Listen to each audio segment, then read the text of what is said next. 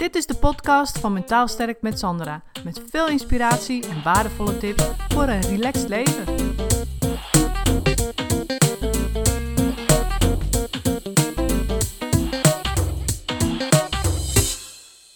Gisteren was het 1 juni en dat betekent dat de terrassen weer open gingen. En uh, nou, het was een prachtige dag, dus wij dachten natuurlijk ook, we gaan ook eens naar een terrasje. We gaan uh, lekker naar Vlissingen en we zijn daar naar een, een terras gegaan wat op het strand uh, zit. Dat is echt super tof. Um, ja, weet je, het was natuurlijk wel, we waren ook wel benieuwd van hoe zou dat nou gaan dan, weet je. En uh, dus wij kwamen daar en nou, mijn man die liep al het strand op, zomaar een trap af. Uh, ja, dat doe je dan, want je, je kunt daar vanaf het strand normaal gesproken zo die, ja, die, uh, ja, hoe noem je het, strandtent zeg maar inlopen. En, maar dat ging al niet, want er stonden allerlei hekken. Dus wij al aan het puzzelen van, ah, oké, nou moeten we eerst die trap weer op, terug. En dan moeten we dus die andere trap pakken, waar je dus meteen naar beneden de, die, die strandtent inloopt. Dus, oh ja, nou, het was heet, heet, weet je. Oh, hij weer door dat zand ploeteren naar boven. En nou, dus weer die trap naar beneden. Ja, was de juiste trap. Nou, er zat dus iemand en uh, ze vroeg van... Uh, Goh, bent u ziek geweest en zo? De laatste twee weken. En ik zei, nee. Nou, maar ze vroeg het niet aan mijn man en aan mijn zoontje. Dus toen zei ze, oké, okay, nou, loop maar door. En uh, we, hebben alleen binnen nog plek.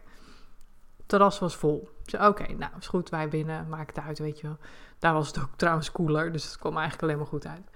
En uh, dus wij uh, ook weer naar binnen. Nou, dan moesten we dus helemaal de pijlen volgen. Er stonden dus allemaal pijlen van die verkeersbordpijlen, zeg maar, die je normaal ook op, op, verkeers, op de weg ziet. Dus van die blauwe pijlen.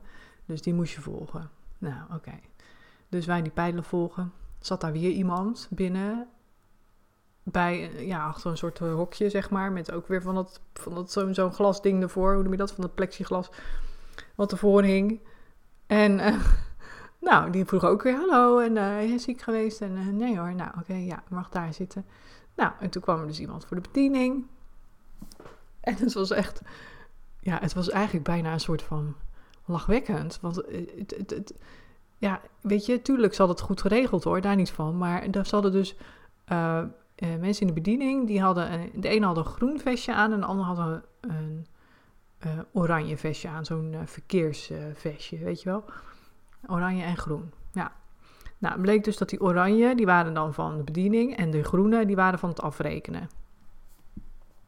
Dus, nou, dat hadden ze ook helemaal zo geregeld. Op zich helemaal niks mis mee. Het was allemaal heel strak geregeld. En, uh, nou ja, maar het was wel een hele rare gewaarwording. Weet je, dat je gewoon een soort van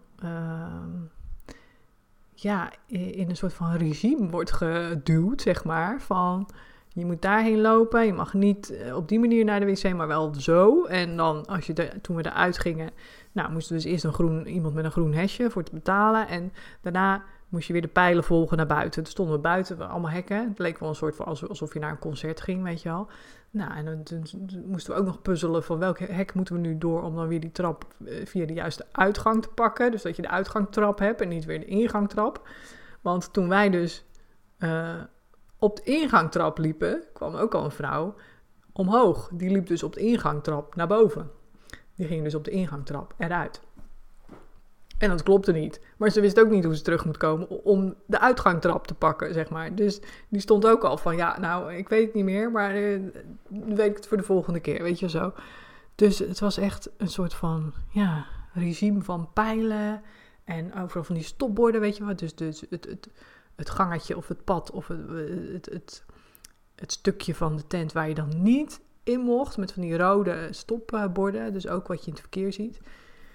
Dus ja, nou ja, en aan de ene kant was het heel erg duidelijk, maar aan de andere kant was het heel erg een soort van ruziematig, weet je wel? En uh, ja, weet je, het, het, ik had het de laatste ook met mijn vader over. Weet je, wat me gewoon een beetje tegenstaat, is dat je overal zie je dus nu bord op de snelweg van vermijd drukke plekken en wees zus en doe dit en doe dat. Ik zeg ook, weet je, het is allemaal in de gebiedende wijs, wordt er tegen je gepraat. Allemaal in de gebiedende wijs. En ja, het is voor mij, zeg maar, ik denk voor heel veel van jullie die hooggevoelig zijn, die gaan het herkennen. Dat je eigenlijk een soort van, uh, ja, weet je, een beetje, ik heb gewoon moeite met autoriteit, zou ik, laat ik het maar gewoon zo zeggen. En dat, gewoon het feit dat je iets verteld wordt wat je moet doen. En ik denk dat dat voor heel veel hooggevoelige mensen geldt. En waarom eigenlijk? Weet je, als je daarover nadenkt, van waarom heb je daar eigenlijk moeite mee? Met, met autoriteit of moeite met uh, dat mensen tegen je zeggen wat je moet doen? Ja, en toen dacht ik ook van ja, maar hoe komt dat nou eigenlijk? Toen dacht ik van ja, weet je, zodra je verteld wordt, in ieder geval, ik spreek nu voor mezelf, zodra mij verteld wordt wat ik moet doen, dan ga ik in een soort van uh, ja, tegengasmodus. Want ik wil gewoon doen wat ik zelf wil. En waarom wil ik dat? Omdat, de, omdat ik voel wat goed voor mij is. En waarom wil ik doen wat ik zelf wil? Omdat ik als hooggevoelige heb ik veel vrijheid, ruimte voor mezelf nodig. Wil ik niet in een bepaald regime worden gedrukt? Wil ik niet met bepaalde tijdsdrukken komen te zitten? En wil ik nogmaals doen wat ik zelf wil, wat goed voor mij voelt. En daarvoor heb ik ruimte en vrijheid nodig. En ik denk dat dat gewoon het is, hetgene is wat me ook tegenstaat. Weet je, zoals het nu gaat dan in de maatschappij, om het zo maar even te zeggen. Van, het is heel regelmatig. Het is heel erg in, de, in een regime. Het is heel erg doe dit niet, doe dat niet in de gebiedende wijs. En ja, als hooggevoelige ben ik daar gevoelig voor. En voel ik me gewoon ehm, beperkt in mijn vrijheid. Om het zo maar even te zeggen. En dat is natuurlijk ook de reden waarom ik gestopt ben met in loondienst. Weet je, daar word je ook heel erg gestuurd. Zit je ook in een bepaald regime. En heb je ook te maken met ehm, ja, dat je dingen moet doen wat anderen van je verwachten. Weet je, en eigenlijk voor mij is vrijheid het allerbelangrijkste wat je maar kan hebben. Zeker als hooggevoelig persoon. Gewoon de vrijheid om de dag op te staan en te kunnen zeggen: Oké, hoe voel ik me en wat past daarbij? Weet je, wat heb ik nodig nu? Is dat iets creatiefs doen? Is dat uh, mensen helpen? Is dat, weet je, wat is dat? Wat ik nu nodig heb om uh, ja, me goed te voelen, om dingen te doen waar ik helemaal mezelf in kan zijn. En waar, waardoor ik me dus prettig voel. Waardoor ik in een creatieve flow kom. Dat het gaat stromen. Dat, weet je, dat ik dat hooggevoelige juist goed kan uiten. Om het zo maar te zeggen. Hè? Dus hooggevoelige mensen heel creatief. En uh, weet je, dat is natuurlijk ook een kracht. Weet je, dat je als je creatief bent, op wat voor manier dan ook, dat je dat dus ook kan gebruiken. Dus dat je het ook echt, dat je de ruimte voor neemt om dat te laten stromen. Ik denk dat dat een hele belangrijke is. In ieder geval voor mij, voor, voor, vanuit mijn hooggevoeligheid. En um, ja, weet je, en dan kom je dus in zo'n situatie waarin het allemaal, allemaal eh, heel erg uh, onder controle staat. En het grappige was, we gingen toen, uh, um, toen we daar wat gedronken hadden, eventjes op het strand gezeten. En um, toen appten mijn ouders dat ze verderop op het terrasje zaten. dat wisten we niet, maar toen dus wel. En, en toen zeiden ze, nou kom even langs. Oké, dus wij daar naartoe lopen. En dus wij gingen bij hun zitten op dat terras. Toen kwam er iemand van de bediening zei, ja, uh, hoort u bij elkaar, woont u op onder één, uh, hoe heet dat, In, onder één dak? En zo niet, dan is de boete voor u.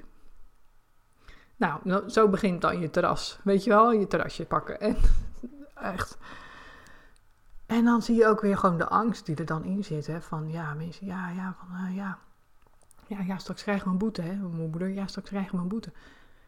Toen, echt weer, dan word ik ook heel dwars. En ik, joh, weet je, eerst maar zien. Weet je wel, laat eerst maar zien of ze het allemaal zo goed handhaven. En uh, we zitten toch overdag ook bij elkaar. Dus pff, weet je, alsjeblieft zeg, laten we gewoon genieten.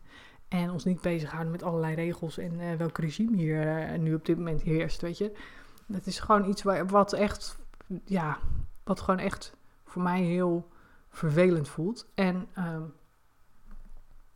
ja, uiteindelijk hebben we daar nog even gezellig gezeten. En er was helemaal niks aan de hand politie reed voorbij trouwens, maar ja, die deed niks. Ik zeg ook, ja, zie je wel. Weet je, dat, die handhaving is natuurlijk ook niet te handhaven. Als je daar op Boulevard van Vlissingen, weet je, waar echt het hele strand lag vol, terrasjes zaten vol.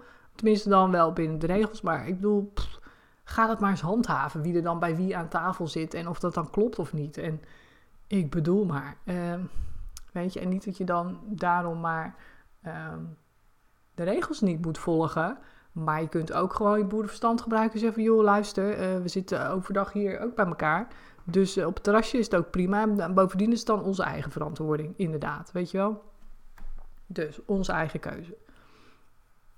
Dus ja, dat is in ieder geval even mijn ervaring. Maar er is natuurlijk ook nog weer iets anders aan de hand. En dat is dat mijn zoon, die is weer naar school. Dus, het is hier echt stil. Het is hier echt rustig. Het is hier gewoon echt... Het is maar een halve dag, maar het is wel echt een wereld van verschil. Weet je? Ik denk van, zo hé.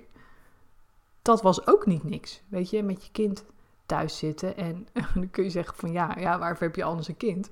Maar ja, dan zie je ook hoe hoe gewend je bent dat je je kind niet om je heen hebt, omdat ze natuurlijk gewoon vaak op school zitten. Dus aan de andere kant, als ik nu zo terugkijk in deze periode en denk van ja, weet je, het is ook wel heel erg goed om te merken dat je het gewoon met z'n tweeën ook redt.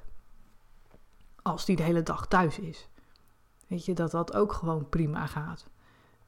Weet je, dat is ook weer een soort van uh, toch wel ergens goed voor geweest, weet je.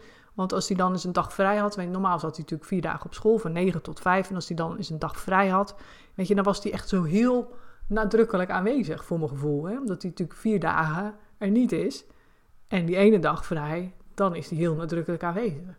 En nu is dat een soort van uitgespreid, weet je wel. Omdat je toch, je bent het gewoon gewend dat hij sowieso thuis was. En nu straks natuurlijk vanmiddag weer is. Maar dan is dat allemaal een beetje wat meer... Uh, ja, wat, wat, wat rustiger of zo. Weet je, het is niet meer zo in die, van die pieken en dalen van oh, hij is helemaal niet. En als hij er is, dan is hij helemaal nadrukkelijk aanwezig. Weet je, het is een soort van mooi kabbelend beekje geworden. En ja, weet je, dat is ook wel heel fijn gewoon om uh, gemerkt te hebben. En bovendien, we hebben ook uh, heel duidelijk voor hem besloten van dat hij uh, naar een andere school gaat. We gaan natuurlijk verhuizen, dus hij gaat sowieso naar een andere school maar dat die ook een niveau lager gaat. En ik denk ook dat het voor heel veel, weet je, ouders, kijk, ik ben natuurlijk psycholoog, dus ik probeer daar op een hele andere manier naar te kijken. Het laatste wat ik wil is dat hij het gevoel heeft dat hij uh, zijn best moet doen, hoge cijfers moet halen. En nou ja, als je mijn podcast volgt, dan weet je dat hij eh, heel goed is in gewoon uh, sowieso een 6 halen en het allemaal heel minimaal aan te pakken. En, uh, dus wat dat betreft is, uh, is er eigenlijk niks aan de hand. Hij, doet, hij is helemaal niet perfectionistisch van dat moet ik goed doen en ik moet goede cijfers halen. Dus dat is al wat zou je kunnen zeggen, missie geslaagd. Maar uh, wat ik vooral niet wil, is dat hij op zijn tenen gaat lopen en dat hij het moeilijk krijgt en dat hij heel veel stress heeft. En nu al als kind uh, ja, zichzelf voorbij gaat lopen, weet je. Dus hij gaat zijn niveau lager omdat hij gewoon daarbij hopelijk lekkerder in zijn vel zit. Want op je tenen lopen op school, weet je, ik heb het zelf ook meegemaakt. Dat is echt, wat wil je je kind niet aandoen. En dan kun je wel zeggen van ja, maar ja, leren ze toch van en leren ze met stress omgaan. En weet je, ze hebben nog zoveel te leren in het leven. Moet dat dan nu al? Weet je, denk ik, nee. Juist wat je ze leert is voor zichzelf te kiezen. En niet voor de cijfers of wat er van je verwacht wordt in de maatschappij. Weet je, dat je kiest voor wat bij jou past, wat bij jou lekker voelt, wat bij jou lekker gaat, wat je leuk afgaat en waardoor je nog lekker in je vel zit. Dat dat de belangrijkste keuze is die je in het leven sowieso kan maken. In plaats van dat je zegt, ja, ik ga voor de stress, ik ga, ik ga voor de cijfers met alle stress van dien. Dat is natuurlijk niet, niet wat ik hem mee wil geven. Maar heel veel ouders die zien dat denk ik niet, want die zitten zelf natuurlijk ook op het werk vanuit die visie van ik moet het goed doen en ik ben verantwoordelijk, ik voel me verantwoordelijk en ik, ja, ik ben degene die hier alles op moet lossen. En ze dat onbewust aan hun kinderen dus ook meegeven van ja, je moet maar je best doen om het allemaal te gaan halen. Weet je, laat maar zien dat je het kan. En ja, als zo'n kind dan op, op zijn tenen moet gaan lopen en de lol eraf is, dan vraag ik me af is het dan wel de juiste weg? Weet je? Waarom niet een kind al meteen leren om voor zichzelf te kiezen wat beter bij hem past? dan hem te dwingen iets te doen wat ja, maar net aan afgaat, hem maar net aan afgaat, zeg maar, wat moeilijk is.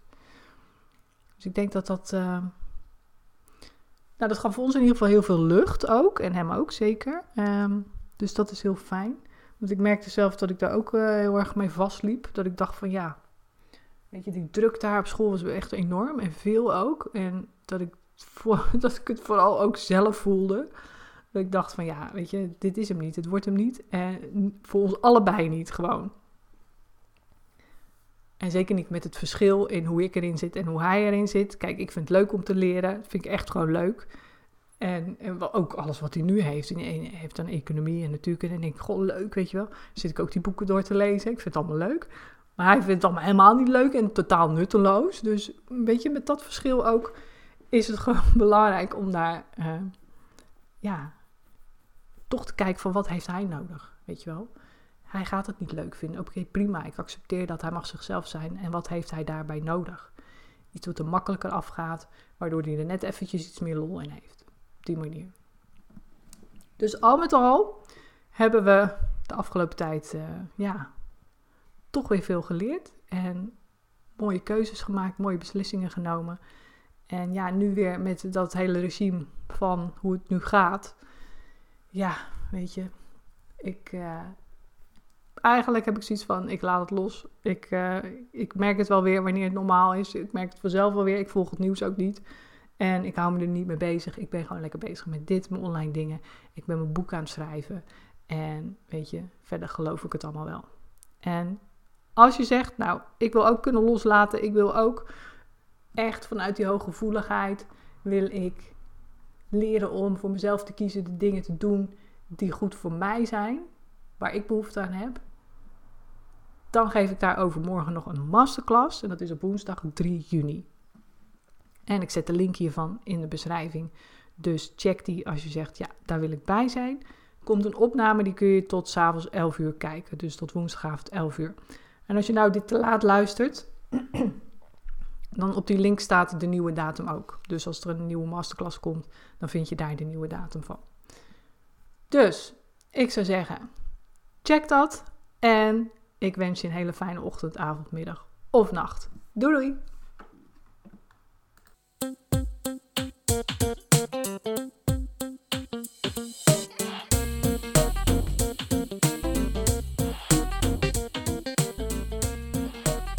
Bedankt voor het luisteren. Wil je meer weten over mijn online videotraining of wil je graag mijn 1 op 1 hulp via Skype of in mijn praktijk? Mail me dan op contact@mentaalsterkmetsandra.nl.